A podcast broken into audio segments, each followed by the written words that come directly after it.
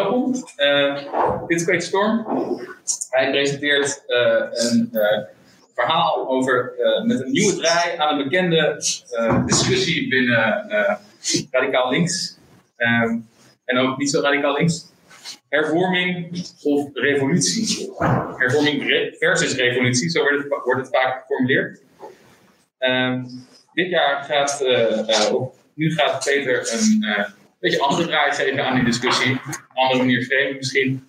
En daar zal hij eerst presentatie over geven. En daarna gaan we met elkaar in discussie. Um, ja, ik wens jullie heel veel plezier. Peter.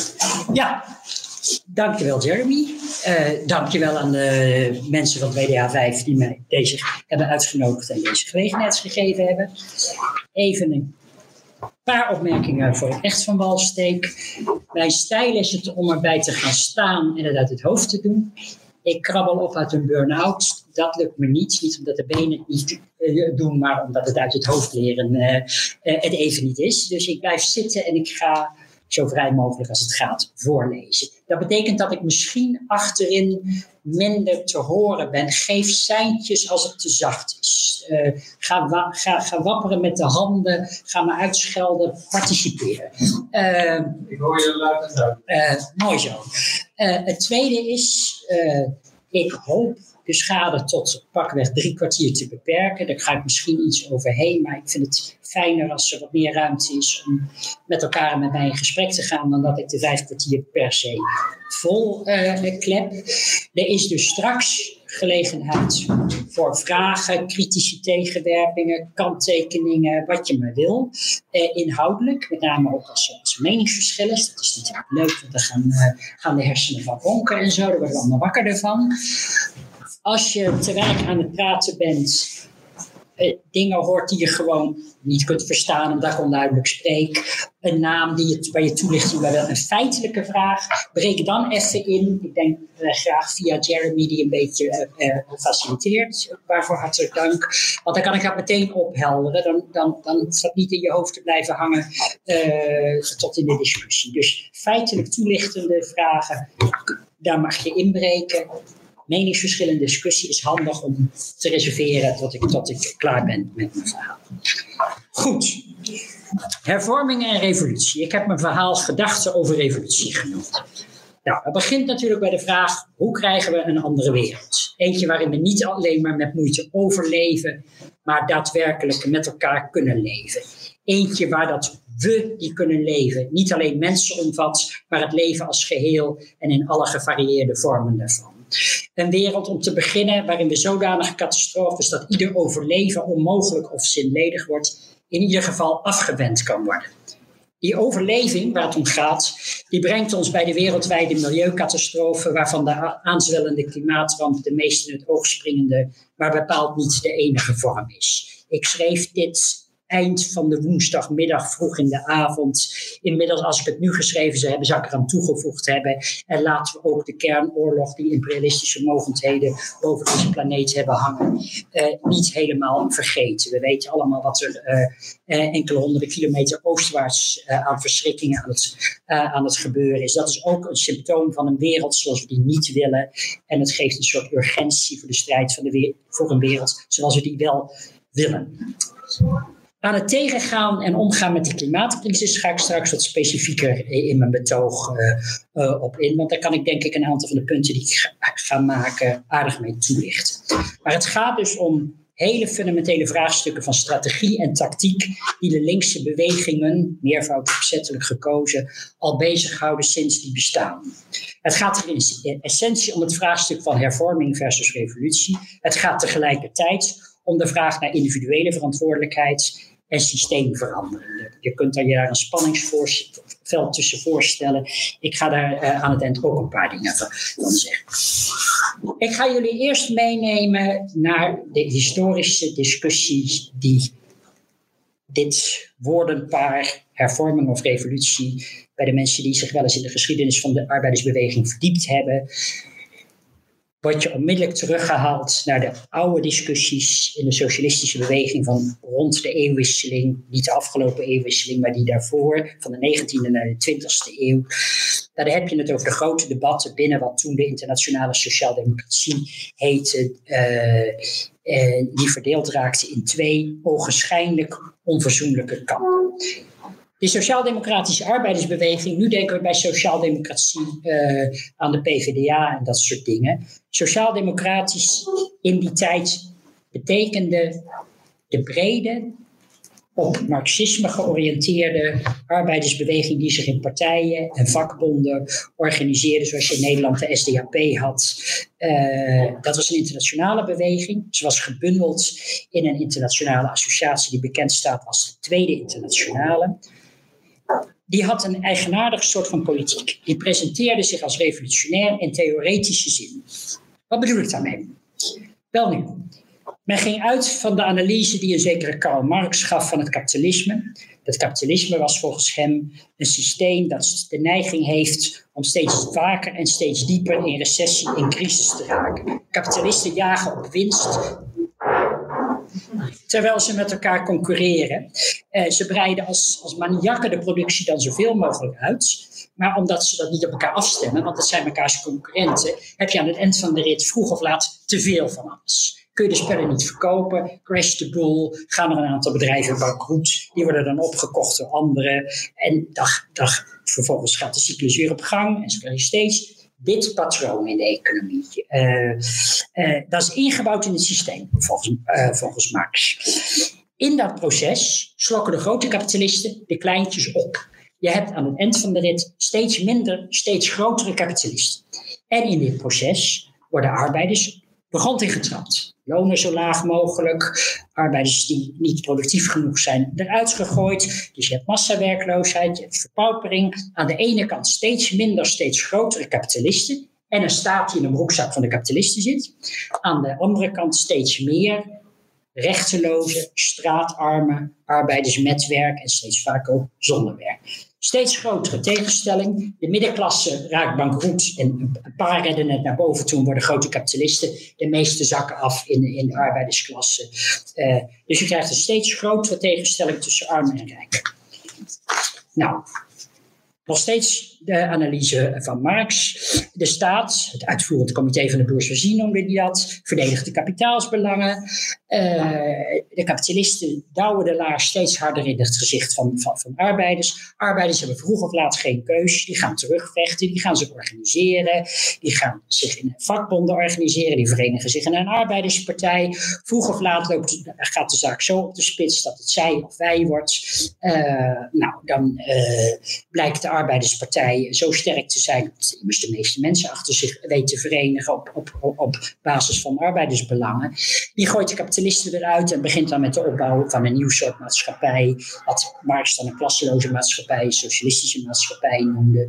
Planmatig een coöperatieve maatschappij opbouwen. Uh, als de kapitalisten eruit zijn gegooid en hun staat is gebroken.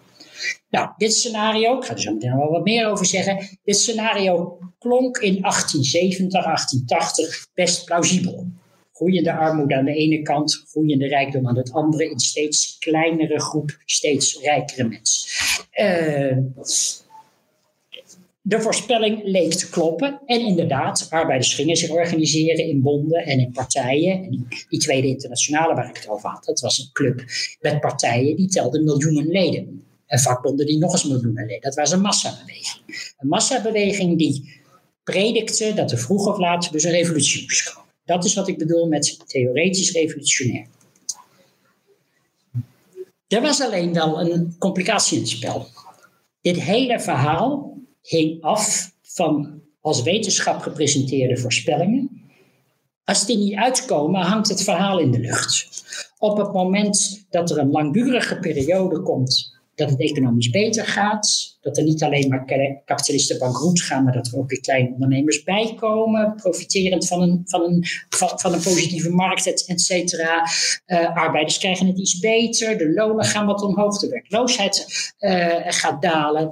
Dan lijken die tegenstellingen heel wat minder scherp en wordt het revolutionaire verhaal en de prognoses van Karl Marx een stuk minder vanzelfsprekend. Dat gaat dan vragen oproepen.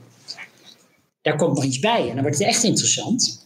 Die arbeidersbeweging, die op basis van deze revolutionaire voorspellingen zich aan het organiseren was, die oefent druk uit. Arbeiders vormen bonden. Die bonden slagen er vaker af en toe in lonen wel degelijk te verhogen. Of ontslagen wel degelijk te vermijden. Arbeidstijden wel degelijk te verkorten.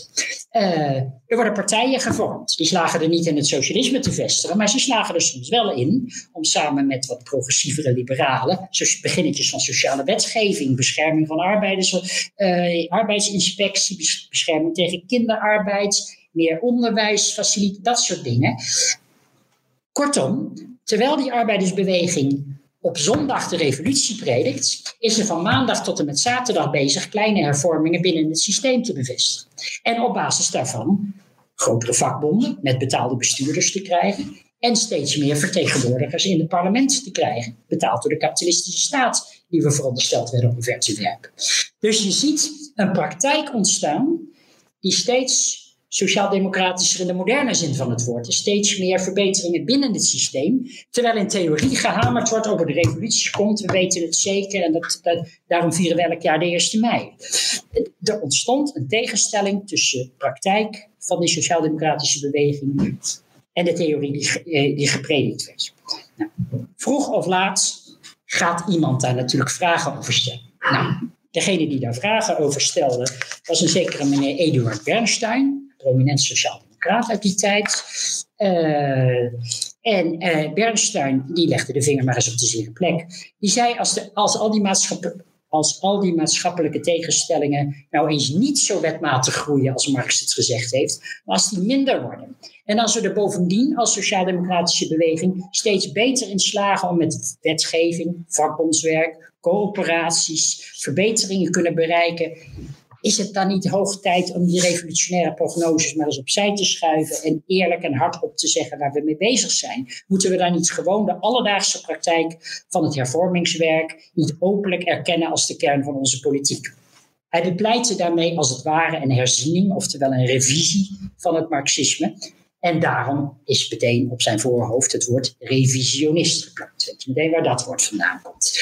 Uh, uh, nou, dit leidde tot een furieus debat in de Tweede Internationale. Dat moet je dan voorstellen als debatten in uh, tijdschriften waar dan artikelen over en weer geschreven werden. Debatten op congressen, op partijvergaderingen.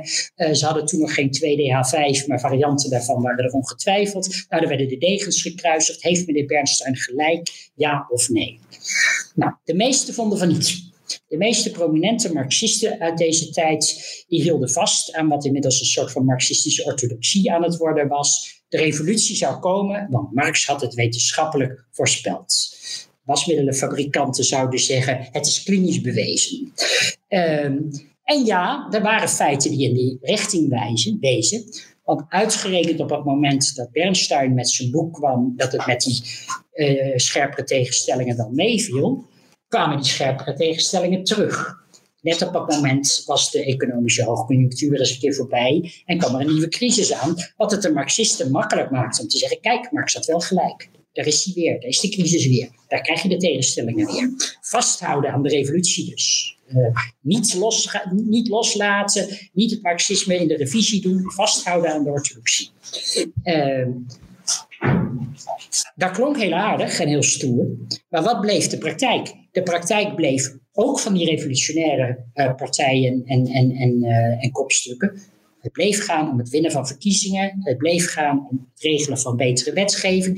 Het bleef gaan op cao's afsluiten via de vakbond. Het bleef gaan op, om het vestigen van coöperaties met gemeentesteun of overheidssteun. Het bleef gewoon om hervormingspolitiek gaan, terwijl op 1 mei de revolutie nog steeds heel stoer werd gepredikt. Sterker nog, op het moment dat arbeiders spontaan verder gingen dan de leiders wilden, als er wilde stakingen uitbraken, als arbeiders de barricade begonnen te beklimmen, waren het sociaal-democratische kopstukken zelf die zeiden: rustig aan. Over anderhalf jaar hebben we verkiezingen. Als we nou te veel chaos hebben, dan gaan twijfelende mensen misschien toch liever op de liberalen dan op ons. Dan het rustig aan. Dus de revolutionaire sociaaldemocratie begon een rem te worden op revolutionaire impulsen van arbeiders, die er wel degelijk waren. Uh, uh, dat had er ook mee te maken dat al die sociaal-democratische kopstukken vaak parlementariër waren, vaak belangen te verliezen hadden, of ze waren beroepsvakbondsbestuurder. Als je beroepsvakbondbestuurder bent, hoef je niet meer op de werkplaats elke dag, zit je op kantoor. Praat je namens de arbeiders, maar je hebt geen last van de slechte CAO die je afsluit, want het is niet jouw CAO. Dus daar ontstaat een afstand tussen de bureaucraten van de arbeidersbeweging en de arbeiders zelf. Het, het, revolutionaire gepraat was steeds meer retoriek geworden, terwijl de praktijk steeds meer leek op datgene waarvan die Bernstein zei: van laten we dat nou ook maar eens theoretisch zo benoemen, dan zijn we tenminste duidelijk en, en draaien we onszelf in de achterban geen rad voor, voor ogen. Dus in feite kwam het erop neer dat Bernstein hardop zei, wat zijn grote tegenpol, Karl Kautsky, een andere sociaaldemocraat, allebei uit de Duitse socialistische beweging, wat Karl Kautsky stilzwijgend, stilzwijgend in de praktijk bracht, hervormingspolitiek als de kern van het socialisme en verkiezingen als de weg naar de macht. Weg naar de macht heb ik in de tekst met hoofdletters geschreven. Zo heet namelijk een boek van Karl Kautsky dat het een beetje uitlegt met wel een heleboel revolutionair gepraat eromheen.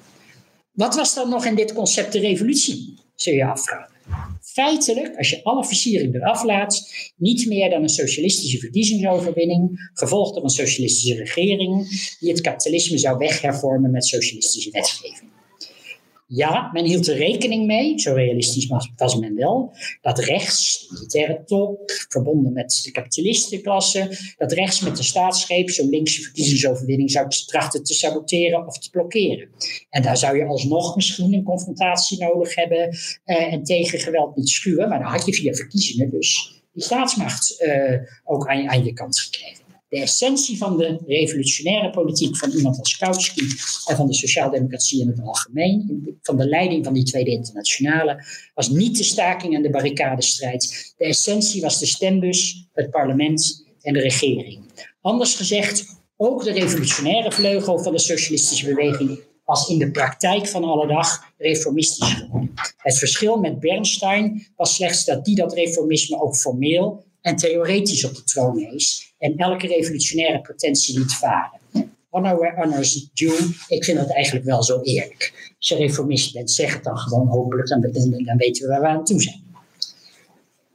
Hoe werkt dat nou allemaal in de praktijk, vroeger en nu? We hebben inmiddels de versie van Bernstein, hervormingspolitiek zonder enige revolutionaire potentie, aan het werk gezien al meer dan een eeuw lang. Het vlijtige revisionistische bijschaven van de wereld leidt tot tijdelijke verbeteringen. Maar het zijn verbeteringen die altijd kwetsbaar blijven voor rechtse tegenaanvallen, zodra de crisis terugkeert en links terugdeinst een radicale breuk met het systeem uh, te forceren. De revolutionaire versie, die van Kautsky, die kennen we ook. In de vorm van gekozen, betrekkelijk radicale, linkse regeringen met socialistische potentie. We hebben er eentje gehad in Chili in 1970 onder de gekozen marxistische president Allende. Uh, die werd in 1970 gekozen, in 1973 naar huis gestuurd door een bloedige staatsgreep uh, vanuit precies de staat waarvan Allende dacht dat je die kon besturen in de richting van het socialisme. Maar die staat blijkt als puntje bij paaltje komt meer met het kapitaal dan met de kiezers verbonden te zijn. Interessant weetje voor de liefhebbers. Generaal Pinochet, die uiteindelijk de staatsgreep tegen Allende pleegde, uh, was door Allende zelf kort ervoor benoemd als minister van Defensie om het leger te zullen houden. Zo, dit krijg je als je denkt dat je de staat kunt gebruiken uh, voor linkse doelen. De staat gebruikt jou en als de staat je niet meer kan gebruiken, schuift de staat je opzij. De linkse Syriza-partij, en, sommigen van ons herinneren dat zich van een, van een handvol jaar geleden in Griekenland. Hele linkse programma, heleboel pretenties. Uh, in 2015 een grote meerderheid gekozen op een radicaal anti-bezuinigingsprogramma met socialistische ondertonen. Een half jaar na de verkiezingsoverwinning en de, regeringsvorming op de knieën gedwongen uh, door chantage van internationale financiële instellingen die de regering dwong door te gaan met schuldbetaling, door te gaan met bezuinigingen, dwars tegen de verkiezingsbeloften in. Enkele jaren later wist rechts deze gediscrediteerde regering via verkiezingen met tamelijk groot gemak opzij te schuiven. En sindsdien regeert rechts weer op de openlijk brute manier uh, waarvan, we de, waarvan we rechts kennen. Een systeembreuk via verkiezingen blijkt keer op keer op keer onmogelijk en de rechtse vergelding blijkt keer op keer op keer verschrikkelijk. Wat moeten we nou met dit hele verhaal als we ons eens een keer niet op het marxistisch fundament gaan bouwen? Uh, waar die Tweede Internationale het zo van moest hebben. Wat bij mijn hele verhaal in het oog springt, toen ik het maakte, viel me dat ook nog weer eens op, is hoe weinig radicaal eigenlijk beide vleugels waren. Van Bernstein is het wel duidelijk, die geloofde helemaal niet in de revolutie. Maar ook degene die wel in de revolutie geloofden, en je mag aannemen dat ze dat in het begin meenden, dat ze alles wat ze deden, deden ze niet omdat het corrupte schurken waren, maar omdat ze dachten dat dit de beste manier was om te komen. De corrupte schurkerij kwam gaandeweg, uh, maar zo begon het niet. Uh, uh, beide vleugels, ook die radicalere vleugels, die, die, die het over revolutie had, was eigenlijk heel weinig radicaal als er op, op aankwam.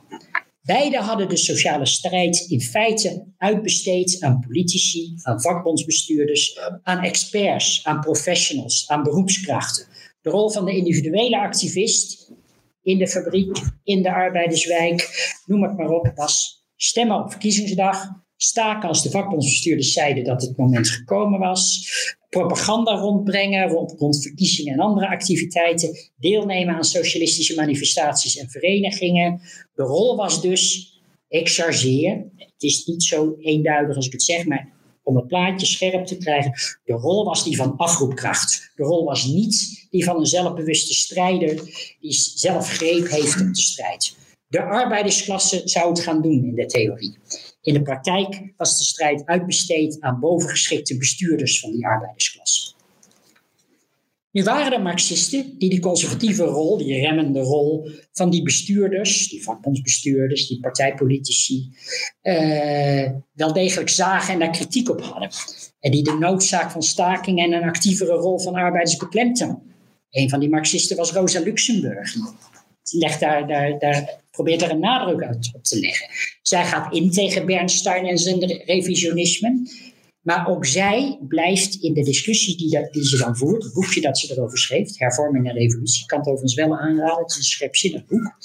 Uh, maar ook zij wist niet uit het orthodoxe denkkader te breken. Ook zij bleef voor een groot deel steken in, dit zijn de voorspellingen, we gaan kijken of ze kloppen. En volgens haar klopte ze. Nou, ik denk dat ze daar ook een punt had. Het was geen onzin wat ze schreef. Alleen je laat de deur open. Wat nou als ze niet klopt? Je maakt de revolutionaire inzet afhankelijk van een serie sociaal-economische voorspellingen. Alsof het een kwestie is van, van, van, van, van een wetenschappelijk experiment en geen kwestie van zelfemancipatie. Ik kom daar nog, eh, eh, ik kom daar nog op terug. Haar kritiek bleef heel lang trouwens ook tot het theoretische beperkt. Tot aan 1914 bleef ze in die partij, de Sociaal-Democratische Partij, die in de praktijk al lang eh, reformistisch was, bleef ze maar hopen daarbinnen nog iets uh, tot stand uh, te brengen. We hadden er nog zo een, nog een Marxist die de revolutionaire draai aan probeerde te geven. een zekere meneer Lenin. Diens ontzag voor Kautsky, weet je wel, die reformist die het niet hardop zei uit, mijn verhaal, was zo groot. Kautsky is bekend als de paus van het marxisme. Dat geeft iets aan over de status die hij had bij links.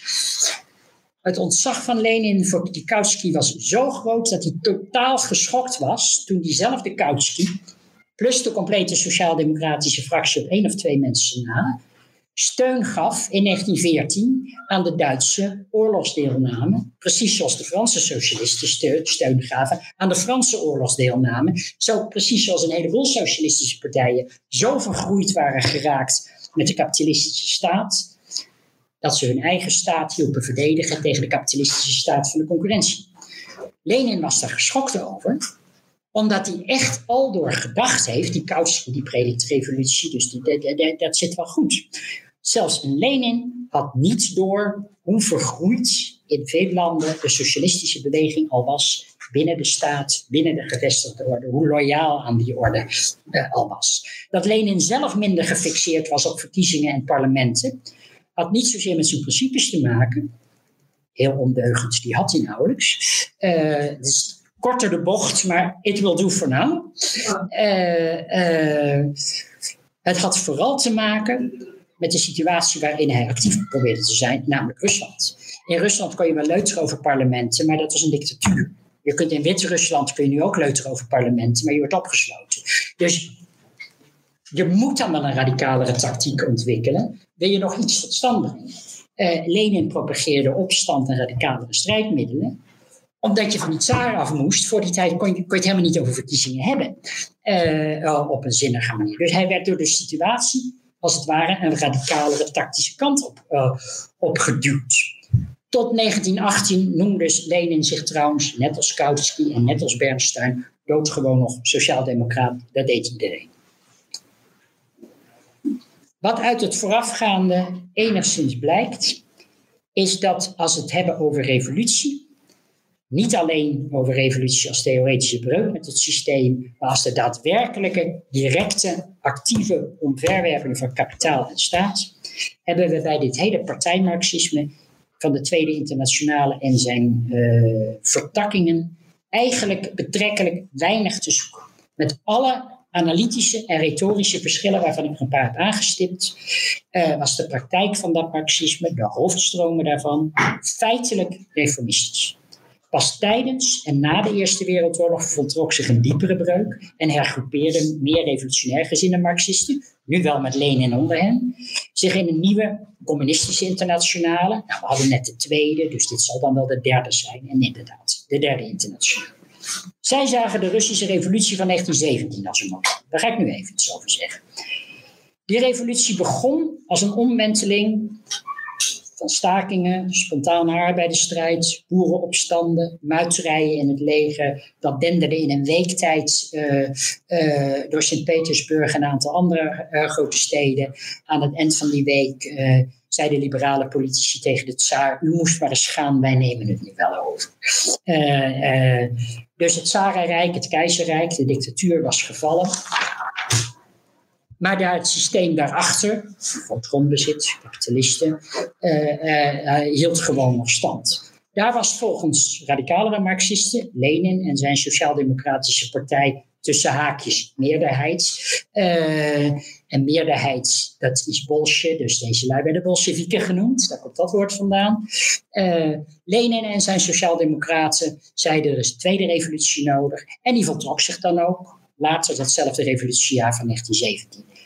Verdrietig genoeg bracht hij de zeggenschap niet in handen van al die stakers, muiters en opstandige boeren die het zaden hadden eh, helpen uitgooien, maar in handen van een gecentraliseerde voorhoede die uit naam van al die arbeiders en boeren en soldaten dacht te mogen spreken. De partij die een nieuwe staat aan het opbouwen was al heel snel, niet pas in 1921, eigenlijk al in de winter van 1917, 1918, bleek dat staken, muiterij en boerenopstandigheid tegen die nieuwe staat en haar heersers net zo hard noodzakelijk was en ook net zo onwettig, onwettig behandeld werd als onder de oude heersers van de oude staat.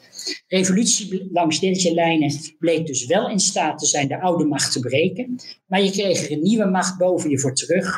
En het dilemma tussen revolutie en hervorming bleek binnen dit partij-marxistisch denken en doen dus wederom niet tot een werkelijk bevrijdende emancipatorische uitweg te leiden. Hoe komen we uit deze verdomde ellende?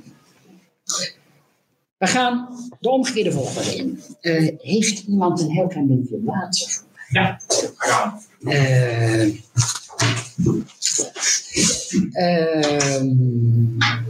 we gaan de omgekeerde volgorde in. We springen terug in de tijd en dan nog wat verder terug. We keren terug naar die tweede internationale.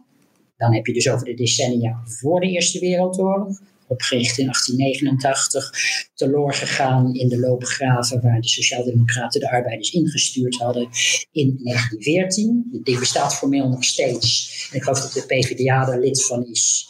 Uh, uh, maar in feite is het historische verschijnsel van de Tweede Internationaal was in feite toen dood en begraven. Vandaar gaan we nog wat verder terug de, de geschiedenis in. Tweede internationale, dat doet vermoeden dat er ook een eerste was. Jawel hoor, er was ook een eerste internationale. Alles klopt weer. Uh, de tweede internationale verenigde namelijk slechts één van de vleugels van de arbeidersbeweging in die tijd.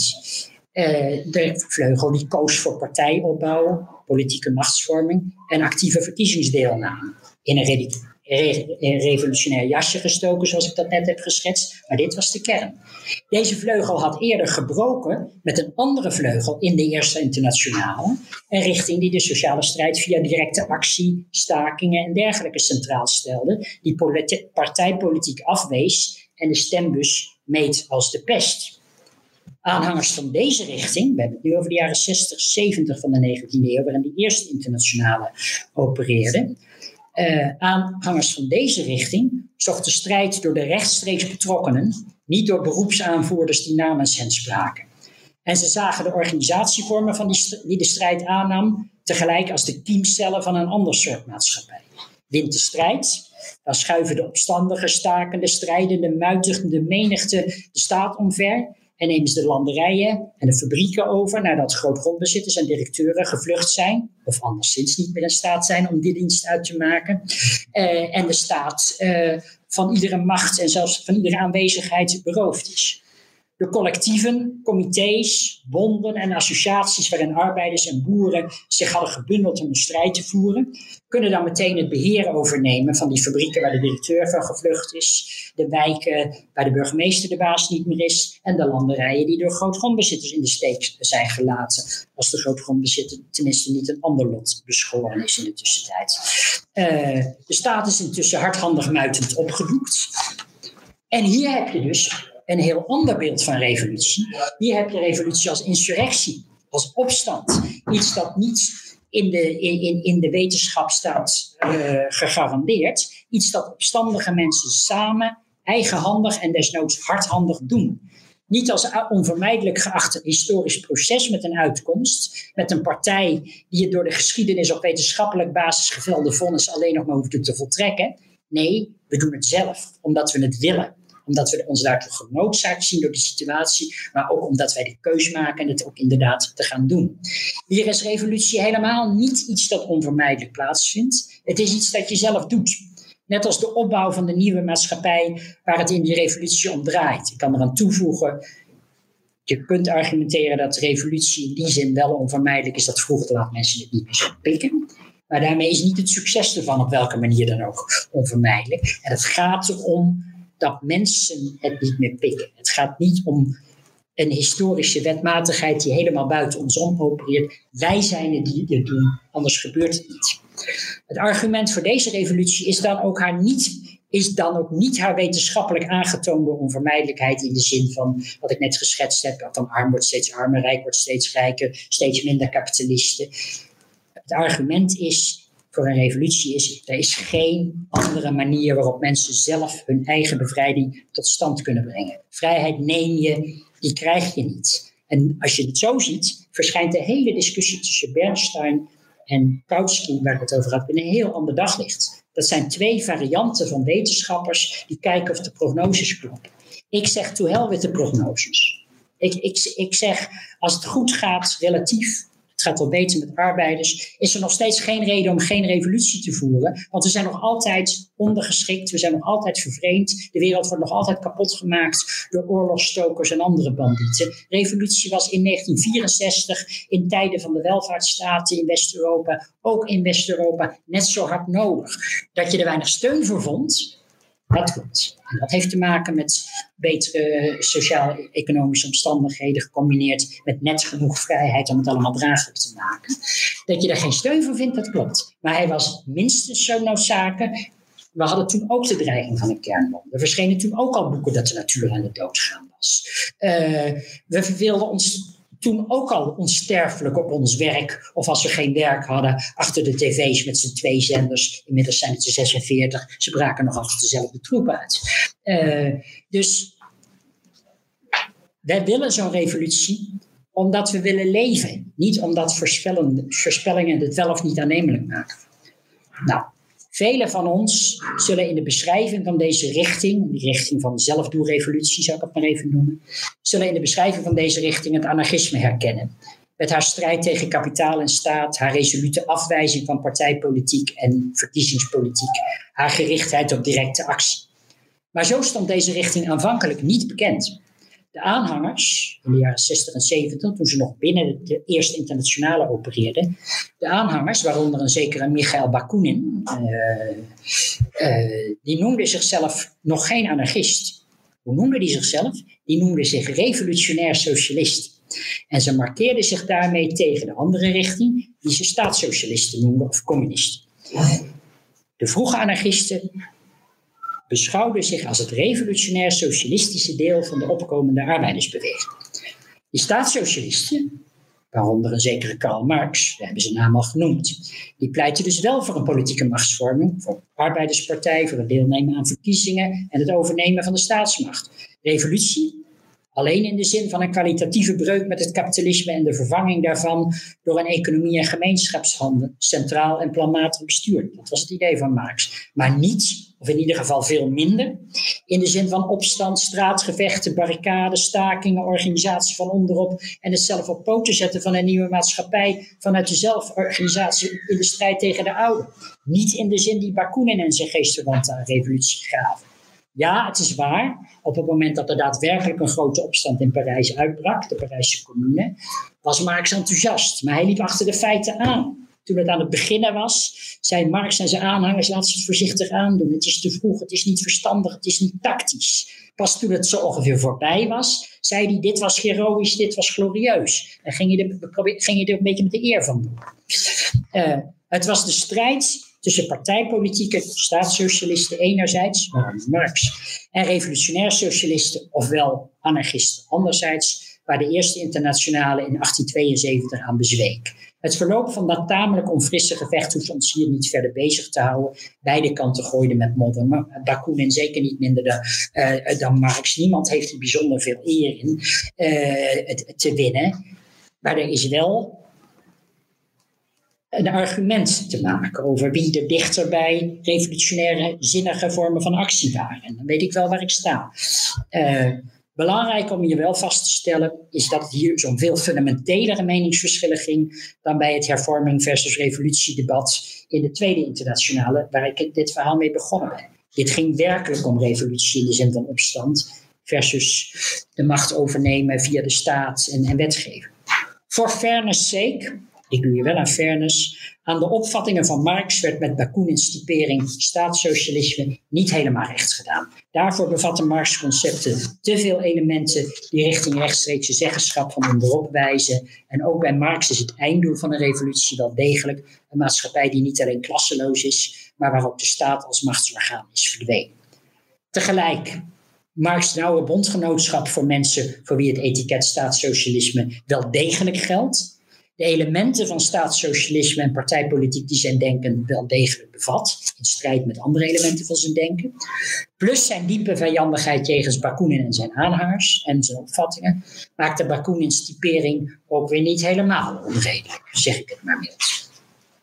Zo ontstond in de jaren 60 en 70 van de 19e eeuw dus het anarchisme als stroming in de arbeidersbeweging als expliciet revolutionaire, anti-autoritaire vleugel van die arbeidersbeweging. En nu zou ik als anarchist ons anarchistische gelijk kunnen gaan proclameren als degene die altijd al op de revolutie hamerde en terecht ook.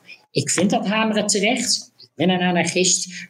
Het is allemaal weliswaar niet onjuist, maar het is ook wel weer veel te kort door de bocht. Uh, dus ik praat rustig nog even door. Hoeveel ben ik qua tijd? Je, uh, nog vijf minuten en dan zit je ook drie kwartier. Uh, dat ga ik niet halen. Uh, het wordt dichter bij, het, dichter bij het uur, maar ik doe mijn best. Uh, goed. Te kort door de bocht zeg ik dat revolutionaire anarchisme presenteren als voor eens en altijd de juiste oplossing. In de eerste plaats heeft het woord revolutie, juist in de anarchistische denkwerelden, meervoud opzettelijk gekozen, gaandeweg een verandering in betekenis ondergaan. Bakunin sprak nog over revolutie als dat vrij abrupte proces waarin een vloedgolf van strijd de staat omverwierp, waarna de opbouw van een vrije en solidaire maatschappij de ruimte kreeg. Een abrupte machtsomverwerping. De vleugel van het anarchisme die zich primair op klassenstrijd baseerde, hield dat concept vrij lang vast tot in de Spaanse revolutie van 1936-37, waarin enkele miljoenen arbeiders en boeren grote delen van de maatschappij enkele jaren bestuurden via collectieven en communes en voor een flink deel volgens anarchistische principes. Dat volgde inderdaad op een abrupte revolutionaire breuk met de oude maatschappij. Het via insurrectionaire, opstandige barricadestrijd verslaan van de militaire en fascistische staatsgreep van generaal Franco uh, in Spanje. In Barcelona, Catalonië en andere delen van de Spaanse uh, staat versloegen de arbeiders en boeren de staatsgreep een tijd lang. Hoe deze revolutie uiteindelijk de nek werd omgedraaid, is een tragisch en leerzaam verhaal, maar niet voor hier en niet voor nu. Dat was nog het oude woord revolutie. revolutie als opstand op de kritieke dag gaan we allemaal naar het presidentiële paleis en dan jagen we hem weg. Zoiets. Uh, terwijl er een algemene staking woedt en de hele stad vol met barricades ligt. Revolutie is in de anarchistische traditie steeds meer een woord geworden. Niet voor dat abrupt overgangsmoment met barricades uh, zelf, uh, maar voor het hele proces van bevrijding, het hele proces van zelforganisatie, confrontatie met de machten in de aanloop naar dat kritieke moment, maar ook nog heel lang daarna. Naarmate anarchisten ook steeds meer hiërarchieën in de gaten kregen die overhoop moesten, niet alleen de staat, niet alleen het kapitaal, maar ook het patriarchaat, de witte overheersing en het kolonialisme, de overheersing van mens over natuur, uh, uh, de overheersing van mensen die van wie gezegd wordt, zij zijn gezond en volgens de norm tegenover alle anderen. validisme, al dat soort hiërarchieën werden geleidelijk aan doelwit van anarchistische kritiek. Niet omdat anarchisten daar altijd de eerste mee waren, maar omdat ze in ieder geval het besef hadden, als je tegen hiërarchie bent, en iemand wijst je erop dat is ook een hiërarchie, dan kun je als fatsoenlijk anarchist bijna niet met goed fatsoen terugkrabbelen en zeggen, ja, maar die accepteren we wel. Als je echt tegen hiërarchie bent, op het moment dat je dan op iets nieuws gewezen wordt, en je denkt serieus na, dan moet je zeggen, je hebt gelijk, die moet ook onder vuur. Zo was feminisme in de vroege anarchistische beweging helemaal niet vanzelfsprekend. Het moest gevochten worden anticolonialisme, idem dito. Je ziet dat zelf tot op dit moment doorgaan met thema's als validisme, transbevrijding. Daar moet voor gevochten worden binnen de anarchistische beweging, net zo goed als daarbuiten. We hebben als anarchisten het geluk dat we dat referentiekader, dat eikpunt hebben. Geen, geen hiërarchieën, geen onderdrukking, waar en wanneer dan ook. Op het moment dat je dat vaststelt en iemand wijst jou een onderdrukking aan, kun je niet anders als, als anarchist die zichzelf serieus neemt dan te zeggen van ja, je hebt gelijk, dit hebben we al die tijd ten onrechte verwaarloosd. Dan moet u daar nu iets mee doen, want we lopen achter.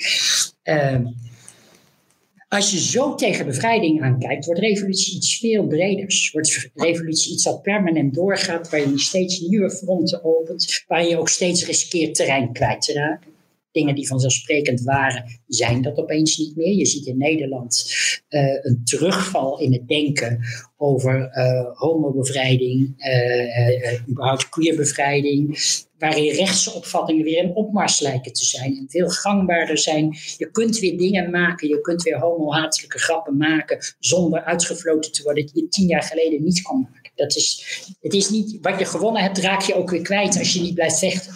Revolutie in het klein en in het groot is een, een anarchistische traditie daarom steeds meer iets dat gezien wordt als iets permanents. De revolutie, met een kleine letter, is met een alledaagse en soms heel kleinschalige strijd dan ook al lang ruim voor de revolutie met de hoofdletter, dat moment, begonnen. Een revolutie in deze zin is ook een proces waarvan het maar zeer de vraag is of het ooit helemaal afkomt. Na de nederlaag van de Spaanse Revolutie krijgen we een periode waarin het anarchisme vrijwel helemaal in de schaduw en de marges is verdwenen. Het is niet weg, er zijn enkelingen en groepjes die in leven blijven houden. Het komt gaandeweg terug. Eh, maar het idee dat die strijd voor anarchie, voor vrijheid, ooit zou culmineren in een soort revolutionaire, insurrectionaire climax, was vrijwel verdwenen. Met name in Engelstalige landen ontstond een richting van betrekkelijk pragmatisch anarchisme, met mensen als Colin Ward in, Engeland, Paul Goodman in de Verenigde Staten, en enkel, Verenigde Staten. En enkeling sprak in dit verband zelfs van reformistisch anarchisme. Het idee was immers kleinschalige hervormingen binnen de bestaande maatschappij aan te brengen. Dat ging dan over bewonersparticipatie in wijken en buurten, alternatieve zelfbesturende vormen van educatie en welzijnszorg, dat soort dingen meer. Soms gingen aanhangers van deze richting zelfs samenwerken met gemeentebesturen, ook niet uit de weg. Maar de toon, dat is wel belangrijk om vast te stellen, de toon bleef, en ook wel de praktijk, bleef op kleinschalige wijze oppositioneel en radicaal. Het idee dat de hele maatschappij op zijn kop kon was een beetje weg. Dat, men zag dat niet meer voor zich. Uh, men zag zichzelf eerder als een permanente oppositie, permanente neezeggers tegen autoriteit en onderdrukking, steeds bezig om zones van vrijheid en solidariteit te verdedigen en uit te breiden tegenover de gecentraliseerde machten van staat en kapitaal. Juist vanwege die radicale scherpte die bleef, vind ik het woord reformistisch anarchisme dus ook niet zo gelukkig. Je hoort het wel eens, maar ik vind het een beetje misplaatst omdat de tegenspraak waarin men opereerde nog steeds revolutionair was. Men bleef nee zeggen. Men ging niet mee in de logica. Men had er alleen niet meer zoveel vertrouwen in dat je de zaak fundamenteel nog kon ombuigen. Dus het was een soort redden wat er te redden valt. Uh, maar wel altijd nee blijven zeggen. Uh, van een echt geloof in hervormingen binnen het systeem was weinig te bespeuren. En van het geloof binnen wet en regelgeving een betere orde te bereiken nog veel minder. Iemand als Paul Goodman was geen verkapte sociaaldemocraat in kleinschaligheidsverpakking. Het was een anarchist en qua houding nog steeds revolutionair. En eigenlijk geldt dat voor heel veel van deze pragmatische anarchisten. De revolutie was van een hoofdletter ontdaan, maar een radicale grondhouding bleef springlevend. Dit gedachtegoed won veld in de sociaal-democratisch in brede zin geregeerde welvaartsstaten van West-Europa en ook wel in Noord-Amerika. Daarbuiten eigenlijk niets. En al tijdens de opstandige jaren 60 zag je ook weer radicalere anarchistische visioenen opduiken die het wel weer over revolutie met een hoofdletter hadden. Wat ook niet zo vreemd was in, een land als Frankrijk, waarin je in mei 1968 eerste studentenopstand had, vervolgens een algemene staking die weken duurde en waarin een groot deel van de bedrijven uh, van het land waren bezet door, uh, door arbeiders. Dus toen zag je weer iets van het revolutionaire hoop terugkeren. Dit zette eigenlijk in anarchistische stromingen in de jaren 70 en 80 door, tot op de dag van vandaag, met ups en downs. Er is weer een nieuw revolutionair anarchisme ontstaan, maar het is geen terugkeer simpelweg naar Bakunin in de Spaanse revolutie, et cetera. Revolutie als dat enkele breukmoment uh, van de omverwerping van de regering enzovoorts en de staat, kreeg nooit meer de, exclusieve nadruk die het had. Revolutie werd ook in de strijdlustige, optimistische uh, uh, visie erop, toch eerder gezien als een permanent proces, nooit voltooid, maar wel met daadwerkelijke breukmomenten die onderdeel zijn van een groter geheel. Uh, lang niet alle anarchisten hechten trouwens zelfs nog aan dat woord revolutie. Juist de radicalere anarchisten vervangen het woord revolutie of laten dat woord eigenlijk grotendeels weg en gebruiken veel liever opstand, revolte, insurrectie. Dat hoor je op demonstraties in onze kringen eigenlijk uh, steeds meer. Niet voor niets hoor je op een demonstratie, we roepen eventjes One Solution Revolution. Het duurt nooit langer dan vijf minuten of mensen beginnen One Direction Insurrection. En ik moet me al niet sterk vergissen alsof dat dan nog net iets enthousiaster geroepen wordt. Want daar, wordt, daar zien mensen iets concreets voor ogen. Daar zien mensen inderdaad een flare de lucht in gaan. En dan wordt er geroepen vuur en vlammen voor elke staat. En daar, daar voelen mensen iets bij. Revolutie is een woord. Insurrectie is een, heeft toch iets van een visioen waar de strijdlust van afspettert. Dat drukt ook een gevoel uit dat het iets is dat je doet. Revolutie kan je overkomen. Insurrectie doe je loopt hard weg. Dat is, jammer, dat is echt jammer. Uh, uh, soms, wel, soms wel veiliger trouwens. Maar goed, uh, dit wordt wat al te praktisch. terwijl we de insurrectie willen, zijn we ook bezig met groentetuinen in leven te houden, kraakpanden te onderhouden, sociale centra te openen, vluchtelingen in Calais en in Nederland te helpen waar we kunnen. We zijn ook bezig met praktisch vormgeven aan stukjes van de nieuwe wereld. Het is niet of-of. En vaak zijn het de mensen, terwijl de ene groep aan het rellen is, om het maar te zeggen, is de andere, nee, vaak mensen uit die ene groep ook bezig met dit soort constructieve projecten. En soms met nog wel radicalere dingen dan dat, waarover ik hier natuurlijk helemaal niets kan zeggen, uh, maar die wel gebeuren. Het bestaat allemaal naast en door elkaar, als één complex geheel, zonder hoofdkantoor, zonder centrale regie. Iedereen doet maar wat. Maar iedereen probeert wel rekening te houden met elkaar, elkaar te versterken. Als je hier rondloopt, je ziet allemaal pamfletten van honderd verschillende projecten. Niemand is bezig met de concurrentie met, met het project dat ernaast gekomen wordt. Je, je, je kijkt bij alles, je haalt eruit wat jou het meest aanspreekt en je doet er iets mee. Het is een veelvormig iets. Eh. En dit is, denk ik, de anarchistische take, zoals dat tegenwoordig schijnt te heten op Twitter, uh, op, het woordje, op het woordje revolutie. Het is dat veelvormige proces van alle dag met hoogte- en dieptepunten en het is er steeds. Een prachtvoorbeeld van waar, waar het eigenlijk om gaat, vind ik altijd in dit soort presentaties. Het kraakpand. Wat is een kraakactie? Een kraakactie is een kleine opstand tegen het kapitaal. Je pakt een woning die qua eigendomsrecht niet van jou is. Je trotseert het kapitalistische eigendomsrecht. Je trotseert daarmee de staat. Het is dus ook een kleine opstand tegen de staat. Uh, je riskeert confrontatie met de politie. Dus het is, het is een heel klein beetje insurrectie ook.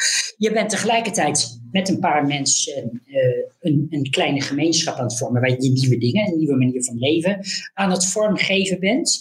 Je doet dus alles wat ik in dit lange verhaal over hoe anarchisten tegen revolutie aankijken, doe je met een paar mensen in het klein. De strijd en de nieuwe wereld, dat maakt kraakactie tot zoiets relevants in de strijd van, van, van, vandaag de dag. Het is niet alleen maar vreselijk cool, dat is het ook. Uh, hier spreekt iemand die het zelf nooit gedaan heeft, overigens. En dat is iets wat ik eigenlijk wel vreselijk jammer begin te vinden. Uh, wie weet. Uh, maar ik ben er zo enthousiast over, omdat je het hele proces waar revolutionaire anarchisten het over hebben, ermee zo goed mee kunt illustreren. Tegen de staat, tegen het kapitaal, voor een nieuwe vorm van samenleving, waar je dan meteen ook alle vragen krijgt. Hoe ga je binnen zo'n nieuwe gemeenschap om, om met, met, met verschillen, met gender, met, met, met, met, met, met achtergrond, met huidskleur, al die dingen, al die andere hiërarchieën kom je tegen, want die zitten in je kop. Daar moet je iets mee als je samen met, met, met, met mensen uh, een pand aan het bewaken bent en daar iets nieuws aan het bouwen bent. Goed. Wat hier heel belangrijk aan is, ik heb er toch nog een paar nodig. Wat hier heel belangrijk aan is, als je het in deze termen over revolutie hebt, is dat revolutie niet de voorwaarde is op basis waarvan je vervolgens een mooie wereld kunt inrichten. Revolutie gaat niet vooraf aan wat er nodig is. Revolutie is dat wat nodig is. Revolutie is nu. Revolutie in deze facetten is zelf de bevrijding en de oplossing van al die vraagstukken onaf en gedeeltelijk, maar toch. Je kraakt een pand, jouw woonprobleem is daarmee concreet opgelost. Je hoeft niet te wachten op de, de revolutie, waarna een volkscommissaris of een assemblee jou een woning toewijst. De revolutie is nu. Ik schakel terug naar het begin. Ik noemde daar de milieucrisis en met name het klimaat als voorbeeld waaraan je dit soort dingen nog wat nader kunt toelichten. Wordt het hopelijk nog wat duidelijker. In de oplossing van de klimaatcrisis zien we alle discussies over revolutie en hervorming, alle flarden die ik heb geschetst, zie je terugkomen. Wel op een nieuwe manier. Het idee dat we met een hele beperkte verandering, zonder breuk met het systeem, laten we zeggen Eduard Bernstein revisited, dat we er daarmee komen, wordt in zeer brede kring inmiddels afgewezen sterk in twijfel getrokken. Het idee dat we voor een goed antwoord op de klimaatramp systems change nodig hebben, is intussen heel wijdverbreid. Greta Thunberg zegt het, Extinction Rebellion zegt het, Marxisten zeggen het, anarchisten zeggen het, maar ze doen allemaal, ze bedoelen allemaal wel iets anders. bij XR en bij Greta Thunberg van de scholierenstaking uh, en zo, zie je vooral nog het idee dat machthebbers de wacht moeten worden aangezegd. Met demonstraties, met radicale acties, met burgerlijke gehoorzaamheid, moeten wacht, machthebbers worden wakker geschud totdat ze tot het besef komen dat er inderdaad een klimaatcrisis is en dat dat acute maatregelen uh, vereist waarin het systeem veranderd moet worden, want anders komen we niet. Dus de, regering moet wakker geschud worden, zodat ze de fossiele grond- en brandstoffen in de ban doen, snel en grootschalig schone energiebronnen invoeren, klimaatvijandige productietakken zoals veehouderij uh, uitschakelen in hoog tempo, grootschalige programma's van huisisolatie, energiebesparing, noem het allemaal maar op, herbebossing. De regering moet dat gaan doen. En dat is de system change die we nodig hebben. En wat ons te doen staat, is heel veel herrie maken, zodat de regering zich genoodzaakt wordt dat te doen. De implicatie is hier wel dat er een soort breuk met het kapitalisme nodig is. Maar de strategie is uiteindelijk niet revolutionair. Ze is reformistisch. Ze doet een beetje denken aan, uh, uh, aan een meneer Kautsky, maar dan zonder de verkiezingen zo centraal te stellen. De bestaande structuren, de bestaande overheid wordt gehanteerd om het systeem te veranderen, zoals Kautsky de bestaande structuren hanteerde om via parlementaire weg het socialisme in te voeren. En ik denk dat tegen deze strategie dezelfde bezwaren in te brengen zijn als destijds. Ain't gonna work. Het fossiele kapitalisme laat zich nog wegstemmen, nog wegdemonstreren. Kijk hoe XR wordt aangepakt. Kijk hoe Greta Thunberg naar de mand wordt gepraat door de politici en vervolgens straal wordt genegeerd. Staat en kapitaal staan in de weg van klimaatoplossingen. Kapitaal en staat moeten worden gebroken, anders komt er van die oplossingen niets terecht. Daar begint de moeilijkheid pas. Hoe doen we dat? En hoe hangen de oplossingen die we nodig hebben samen met het breken van staat en kapitaal? Grofweg zie je twee scenario's. Het is heel schematisch wat ik doe. Ik ga heerlijk kort door de bocht, vind ik leuk. Uh, twee soorten gedachten. Leninisten, partijmarxisten, maar ook sommige op klassenstrijd georiënteerde anarchisten redeneren schematisch als volgt. 1. Voor klimaatredding is een verbouwing van de maatschappij nodig, zodat er geen fossiele grondstoffen brandstoffen meer worden gebruikt en al die dingen die ik net geschetst heb, heb uh, kunnen worden doorgevoerd. Twee, al die maatregelen zijn pas nodig als de macht van het kapitaal is gebroken en dat vergt een revolutie. Drie, vervolgens, na die revolutie, kunnen hetzij een revolutionaire regering, in de marxistische versie, hetzij zelfbestuursorganen, in de anarchistische optie, de nodige maatregelen genoemd in punt 1 doorzetten. Hier heb je dus eerst een revolutie nodig voor de aanpak van de klimaatramp echt op gang kan komen. Dat wil niet zeggen dat er niet alvast een paar stappen gezet kunnen worden, maar het fundamentele werk komt na de revolutie. Revolutie is de voorwaarde voor een succesvolle milieuredding. Dat is meteen de grote, loeigrote zwakke plek in deze benadering. We hebben geen tijd. De drastische aanpak die nodig is, dient gisteren te beginnen, terwijl de revolutie die er de voorwaarde voor is, morgen of overmorgen hoogstwaarschijnlijk niet zal zijn. Niet in de zin dat het kapitalisme is vervangen en opzij geschoven door, een georganiseerde structuur van anticapitalisme, of dat nou anarchistisch of marxistisch gedacht is.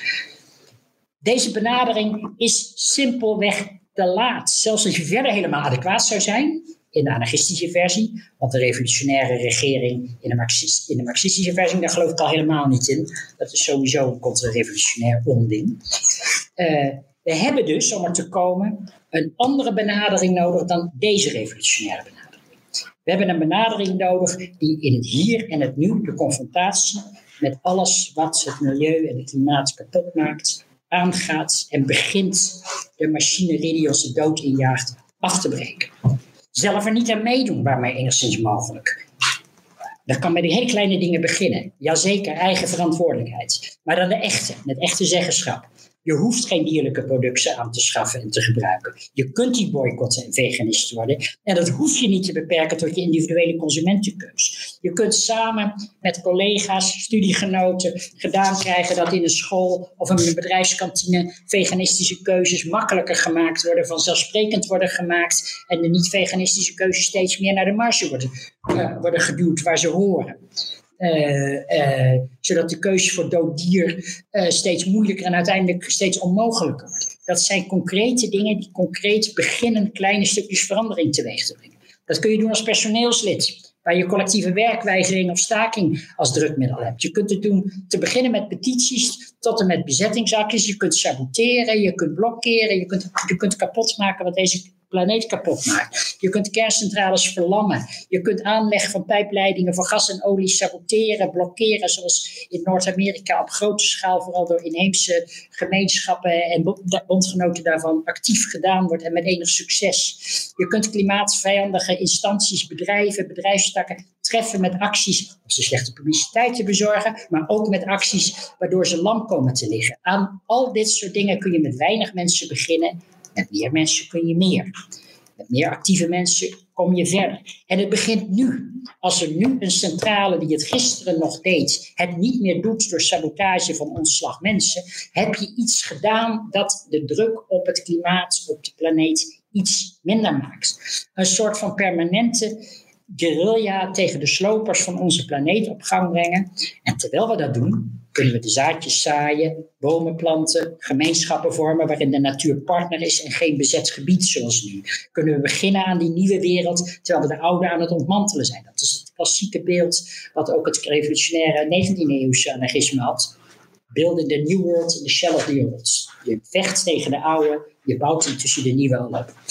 Natuurlijk combineren we deze strijd tegen milieuverwoesting en klimaatcatastrofen met de strijd tegen al die andere hiërarchische destructieve dynamieken die er zijn. Van witte suprematie, witte suprematie via patriarchaat tot en met validisme en alle andere dingen eh, die ons kapot maken. Want we weten maar al te goed wie er in de wereld de van, in de frontlinies van milieurampen staan. Vrouwen, gekoloniseerde bevolkingsgroepen, mensen van kleur en ga zo maar door. Ligt een enkel thema van strijd uit het geheel en de strijd op alle andere fronten wordt nodeloos zwakker. Zie daar de onmisbaarheid van wat we tegenwoordig intersectionaliteit noemen.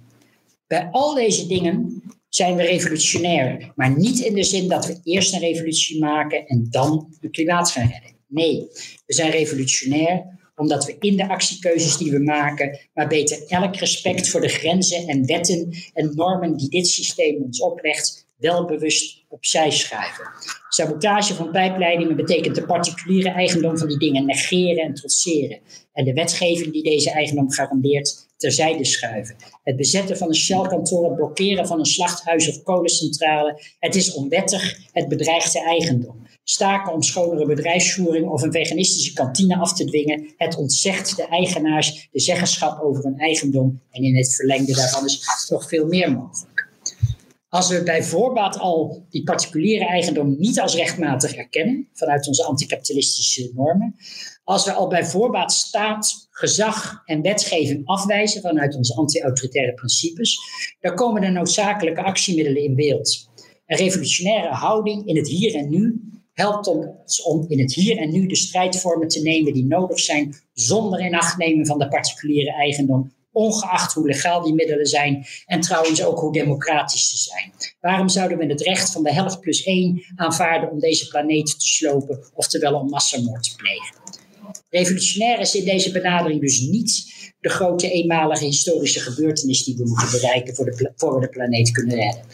Revolutionair is hier onze houding in de strijd die we te voeren hebben om die redding binnen handbereik te krijgen. Revolutionair is ongetwijfeld, als het gaat lukken, de uitkomst van de strijd als die slaagt. Want met deze houding in onze harten en met de drastische acties die we zullen uitvoeren om de verwoesters van onze planeet machteloos te maken en terzijde te schuiven, zal er van het systeem van staat en kapitaal, van witte overheersing, validisme, patriarchaat, transhaat, noem het allemaal maar op, steeds minder overblijven naarmate die strijd zich verder ontplooit. In die strijd krijgen ook de alternatieve gemeenschappen, voedselprojecten, assemblees die staat en kapitaal bevechten, steeds meer ruimte om te worden wat ze al zijn, de nieuwe maatschappij in worden. Hier is de revolutionaire verandering die we beogen, dus geen voorwaarden, maar uitkomst die we hier en nu en overal te voeren hebben. Hoe minder respect voor de regels en normen van dit systeem, hoe kansrijker onze strijd. We zullen gered worden, niet door de wetten van de geschiedenis en niet door een toekomstige revolutie. We zullen elkaar en onszelf redden door een dagelijkse strijd die al lang is begonnen. Van Dodewaard gaat dicht tot en met Sluit Vion en Red het Sterrenbos en al die andere gevechten waarin we dagelijks betrokken zijn en ons in zullen betrekken. Hervorming of revolutie? Het is eigenlijk de verkeerde vraag. Zelf doen of rekenen op hogerhand? Dat is de echte kwestie. Ik pleit voor zelf doen, samen doen. Dat is de revolutie die we nodig hebben.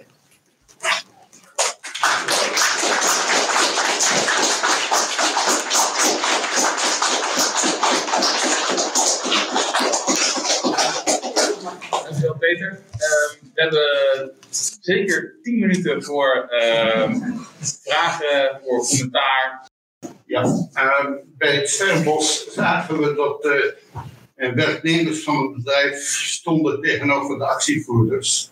En misschien is het op zich niet het beste voorbeeld, maar dat kwam niet omdat de vakbonden tegen die actievoerders waren. De vakbonden die gingen gewoon met de werknemers mee. En wat je eigenlijk zou willen, is dat de werknemers het voortouw nemen bij dat soort dingen. En misschien is dit op zich niet het beste voorbeeld, maar er zijn natuurlijk allerlei voorbeelden van bedrijven die best overeind zouden kunnen blijven zonder de smerige dingen te doen die ze nu doen. Maar dan moeten de werknemers wel zeggen, uh, sorry, wij zijn de baas hier en niet jullie. Uh, is er enige hoop om dat tot een onderdeel van de strategie te maken? Ja, wat ik een beetje mis in je verhaal is uh, bewegingsopbouw. Dus ik hoor heel veel goede acties. van geen vlees meer kopen, naar land kraken, naar. Uh, maar dat zijn allemaal redelijk individualistische en kleinschalige acties. Um, waar voor een deel van de mensen, ik denk voor alle mensen die hier vandaag zijn, ruimte voor is, maar die het grootste deel van de bevolking niet aanspreken. En je hebt ook kritiek op traditioneel anarcho-syndicalisme, maar dat traditionele anarcho-syndicalisme had wel iets te bieden voor de grote massa en die had, kon een revolutionaire organisatie uitbouwen en dat mis ik een beetje in jouw verhaal. Dus ik ben benieuwd wat je daar komt. Je, je bent als een beetje vriendelijk wat mij betreft voor de, voor de socialistische beweging. Hervorm, hervormingen die ontzettend de angel halen uit de, noodzaak voor revolutie. Door die kleine hervormingen. Als je net wat meer loon krijgt, net wat minder uren te werken, net wel je huis kan betalen, dan heb je toch minder noodzaak om tot verandering te leiden. En wat jij, wat aansluit bij wat jij zegt, dan zoek je dus ook minder die beweging om je bij aan te sluiten, denk ik. Oké, wat doe je met arbeid? Wat doe je met massabeweging? Wat is, uh, uh, moet je iets met accelerationism? Ja? ja. Uh, vijf minuten, Peter. Vijf minuten. je kunt er wel drie workshops over doorkleppen, denk ik. Want het zijn, alle, het, zijn wel, het, het zijn wel de vragen die we nodig hebben, denk ik. Dus waar zal ik eens beginnen? Het antwoord op jouw vraag zit daar. Heel simpel. Uh, en daarmee bedoel ik dat ik het er niet zonder meer mee eens ben dat de kleinschalige dingen die ik noem per definitie beperkt hoeven te blijven tot, ik zeg maar even plat, soort mensen. Daar geloof ik eigenlijk niets van. Ik geloof dat uh, we een fout maken als we denken dat bijvoorbeeld iets als actief, collectief georganiseerd de vleesindustrie bestrijden geen veel breder draagvlak hebben. Ik merk dat in de reacties die we krijgen op Sluit Vion, waar ik actief in ben. Hoe breed weerklank onder de Vion, een slachthuis in het zuiden van het land, en in nog twintig andere plaatsen helaas. Uh, uh, hoe breed je daarover discussie hebt en over de positie van de mensen die er werken, vaak migrantenarbeiders, en over de, de buurt die er last van heeft, uh, de stank, en over het klimaat uh, waar het de boel versteert, en over die, die, die, die, die, levende medewezens, net zo waardig als jullie en ik, die daar worden opgesloten en vermoord om ze stukken te snijden. Uh, alle issues komen er samen, dat is prima uit te leggen. Dat is prima uit te leggen. En, en uh, uh, ik denk dat dat met een heleboel van dit soort dingen zo is. Het, is niet zo dat dit per definitie kleinschalige dingen zijn. En er is ook een reden dat ik dit propageer en geen terugkeer naar het anarcho-syndicalisme. Ik denk overigens wel, maar dat is een andere discussie, dat waardevolle elementen van het anarcho-syndicalisme gewoon een groene draai kunnen krijgen en, en tot, tot, tot, tot, een nieuw soort uh, het beste eruit halen en ermee doorgaan.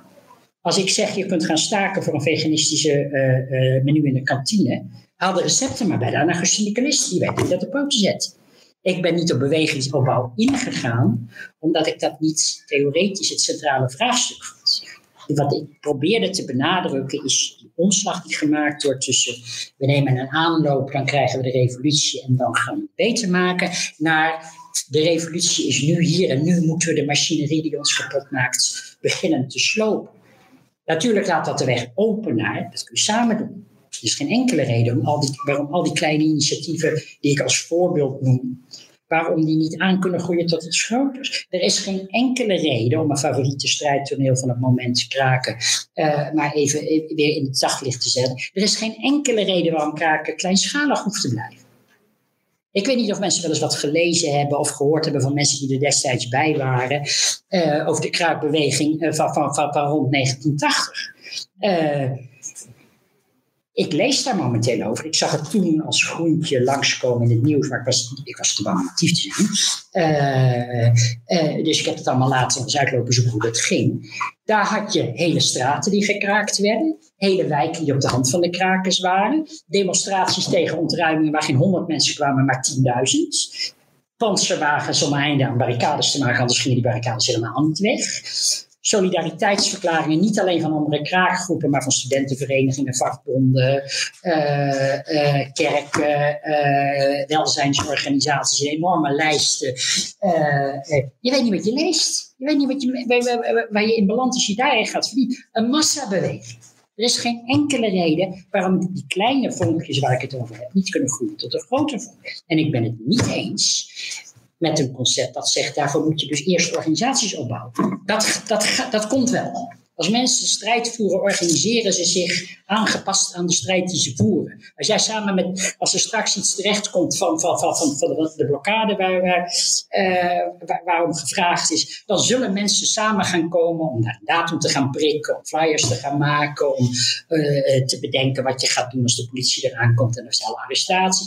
Dat organiseert zich, omdat om anders niks gedaan krijgt. Maar ik ben ervoor om de strijd en dat wat nodig is, de taken te laten stellen van de organisatie die daaruit voortvloeit. En niet andersom, zoals heel vaak in linkse bewegingen gebeurt. Ik zeg niet dat jij dat beoogt, begrijp me even niet verkeerd, maar ik ga expres even aan de andere kant van het argument. Dat is dus geen omissie van mij, iets dat ik heb vergeten. Dat is een welbewuste keuze waarin we misschien wel mee verschillen over, over hoe dingen opgebouwd zijn.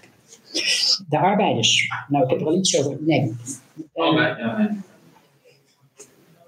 De arbeiders. Ik denk dat het heel moeilijk is. Ik denk dat je het moet proberen. En ik denk dat je steeds zult merken dat arbeiders met een relatief veilige werkplek, dat je daar een heel goed verhaal moet hebben, willen die jouw kans kiezen.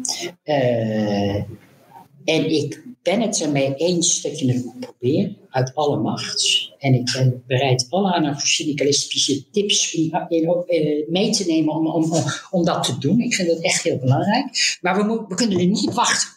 Het klimaat is zodanig urgent dat ik bereid ben om te zeggen destructieve productietakken moeten dicht. En dan moet er gezorgd worden voor de arbeiders die dan hun baan verliezen. Daar zijn we allemaal dan mee verantwoordelijk voor. Maar sommige mensen zullen eerst hun baan verliezen voordat er genoeg collectieve kracht is om het bedrijf over te nemen. En ik vind bijvoorbeeld dat op het moment dat de kerncentrale dicht moet, moeten we sociaal plan en al dat soort dingen eisen en niemand de straat op. Maar ook als het niet lukt om dat, dat sociale plan te krijgen, dan nog moet je kerncentrale dicht. De nood is te acuut.